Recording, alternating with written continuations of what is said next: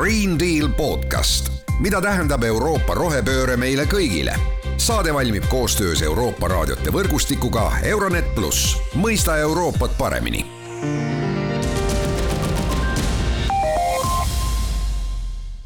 Tere, head Green Deal taskuhäälingu kuulajad, mina saatejuht Mart Valner ja tänases saates tuleb meil teemaks metsandus räägime sellest, kuidas peaks metsa majandama, räägime sellest, mida teha, et Eestis metsa majandamine hästi läheks ja nende teemade jaoks olengi palunud endaga rääkima Eestimaa Looduse Fondi metsanduse töögrupi juhi Silvia Lotmani ja Tartu Ülikooli teadlase Aveliina Helmi. alustame aga oma intervjuud teemal, mis asi on offsetting ja kas see, et me vahepeal oma lendude ja kõige muu neutraliseerimiseks laseme kusagile mujale puid maha panna, on adekvaatne lahendus? kindlasti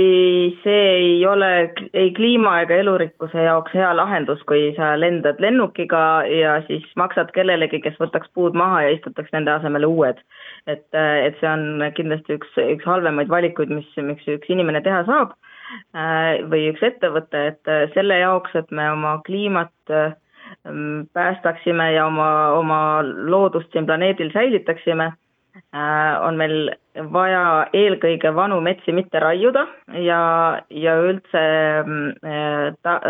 selle suunas liikuda, et meie metsad ökosüsteemina paremini toimiksid ehk siis äh, laiendada metsaala, sellist ala, kus, kus vähem raiutakse ja kus on metsad säilivad äh, vanematena. ja kindlasti, kui, äh, kui sa mõtled sellest, mida kliima osas inimene ise teha saab, siis, siis tuleb ära hoida neid asju, mis süsinik, dioksiidi õhku paiskavad, ehk siis mitte lennata, mitte liiga palju äh, teha neid asju, mis fossiilseid kütuseid põletavad, et, et neid äh, puude istutamisega kindlasti ei saa neutraliseerida, et, et puude istutamine on on, äh, on eraldi tegevus, mis, mis mõjutab seda, kas meie ökosüsteemid toimivad või mitte. Ja kindlasti ei ole monokultuursed kuusikud sirgelt istutatuna ökosüsteemid, mis toimivad ja neid peaks tegema puude istutamist just seal, kus äh, mets toimib ja on mitmekesine ja mitmevanuseline. tegelikult nii kliima kui looduse äh, eesmärkidest lähtuvalt äh, on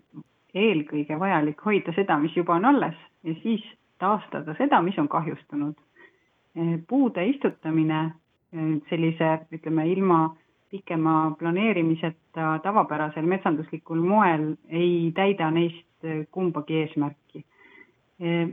mis on täna Eestist puudu, on just selline looduskaitseline kliimapõhine lähenemine ökosüsteemide taastamisele ja miks mitte ka puude istutamisele sellisel moel, et see tõepoolest neid kliima elurikkuse eesmärke aitaks täita. Mis selleks vaja on? esiteks on vaja identifitseerida või tuvastada need kohad, kus tõepoolest oleks vaja puid istutada Äh, kus neid on äh, enne vähe, näiteks äh, suured lagedamad põllumajandusmaastikud, kuhu tõepoolest kuluvad ära puudetukakesed, linnade ümbrused, ka linnadesse sisse mahub puid meil omajagu. kuid näiteks juba olemasolevatesse metsamaastikesse, kus veel säilinud lagedamad alad muudavad maastikku heterogeensemaks ja mitmekesisemaks, sellised näiteks kunagised metsaheinamaad või talukohad need on looduses täna äärmiselt vajalikud kohad ja neid lausaliselt metsastada ei tohiks. ja teiseks oleks vaja sellist kontseptsiooni, mis tõesti tõepoolest puude istutamisel äh, rakendaks sellist, äh, kutsume seda siis looduskaitselist äh, istutamist. ehk siis hästi valitud mitmekesist koosseisuliike, mida istutatakse ning ka ruumilist struktuuri, et kuidas neid istutatakse. Kõige toredam mets nii, nii kliima kui elurikkuse seisukohast on selline, mis on ka struktuurilt mitmekesine, et seal on nii lagedamaid laigukesi, häilukesi kui ka erinevas vanuses puid, et tegelikult seda võiks ka istutamisel silmas pidada, et ei tekiks selline hästi üheülbaline, ühest liigist, ühe tihedusega ala. et niimoodi aitame me loodust kõige paremini ja kolmandaks on oluline silmas pidada seda, et me ei metsastaks ega istutaks puid ega kahjustaks äh, edasi äh, turvasmuldasid. turvasmuldadele istutamine ei ole kliimaeesmärke täitev ja kahjustab lihtsalt olemasolevat ökosüsteemi kahjustab edasi ka sedasama turvasmulda. et turvasmuldadega on kõige õigem toimetamine siis kas jätta nad rohumaaks ja muuta nad taas natuke niiskemaks, et see aitab meil kliimat palju paremini hoida aga samas äh, rabade taastamine on ju väga suur ja suur teema, millest me räägime, et ma saangi aru, et siis rabasid me ei taasta sinna puid üles pannes, puid peale istutades. Ja väga õige, et äh, iga, igal ökosüsteemil on oma vajadused ja igal äh, kahjustunud ökosüsteemil on ka oma vajadus nii-öelda taastamisele ja oma tegevused ja oma sellised eesmärgid, mida seal teha tuleb et äh, ühe vitsaga, näiteks puude istutamisega me kõiki väljakutseid ei lahenda. küll aga me võiksime eesmärgiks seada sellise nagu slogani asemel, mis meil praegu on, et, et istutame puu ja, ja teeme sellega kliimale head. selle asemel me võiksime kasutusele võtta hüüdlause taastame loodust ja teeme sellega kliimale ja elurikkusele head. ja seda on rõhutatud ka väga palju erinevates teadusartiklites, kahjuks ei ole nii hästi jõudnud sellisesse tavapärasesse kasutusse veel. Ma ütlen raba taastamise kohta, et, et raba taastamisel äh, kindlasti ei tohi sinna puid istutada, sest et rab, raba on selline ala, kus, kus ei, ei kasva suuri puid äh, ja rabal, raba taastamisel kõige olulisem on äh, selle tagamine, et vesi oleks, oleks soos, et vesi oleks rabas, et kraavid, kraavide kinnipanemine, kust, et, et vesi ei läheks soost välja, on põhiline asi, kuidas me saame rabasid taastada puude istutamine, kampaania ja hoogtöö korras on midagi, mis tekitab inimestele noh, tegelikult ju sisimas hea tundega, mina olen nooremana käinud äh, neid istikuid äh, maha panemas ja vaadanud, näed, ma teen loodusele head. kas see on siis täiesti mõttetu tegevus? puid istutada võib küll, aga, aga puude istutamisel peab seda silmas pidama, et Need on sellised puud, mis, mis peavad vastu meie, meie kliimas ja et, et seal on mitu, mitmeid erinevaid puuliike ja põõsaliike ja et, et see mets, mis istutatakse, jääbki väga-väga pikaks ajaks, et et mis meil on sellised suured puude istutuskampaaniate probleemiks, on see, et tihtipeale istutatakse äh, tegelikult majandusmetsa, mille raiering on väga lühike ja need istutatud puudel ongi juba istutamise ajal plaanis, et nad äh, paari, mõnekümne aasta pärast äh, maha võetakse, et see kindlasti ei, ei ole tegevus, mis, mis pikaajaliselt süsinikku seob. et ähm, kui, kui istutada metsa, mille, mille tulevik on see, et ta, et ta jääbki, jääbki püsivalt, püsimetsana alles ja teda lagedaks enam ei raiuta, siis, siis sellest ähm, on õige, õiges kohas ja õigete liikidega kindlasti abi. jah, ma, ma ütleksin midagi sellist, et äh,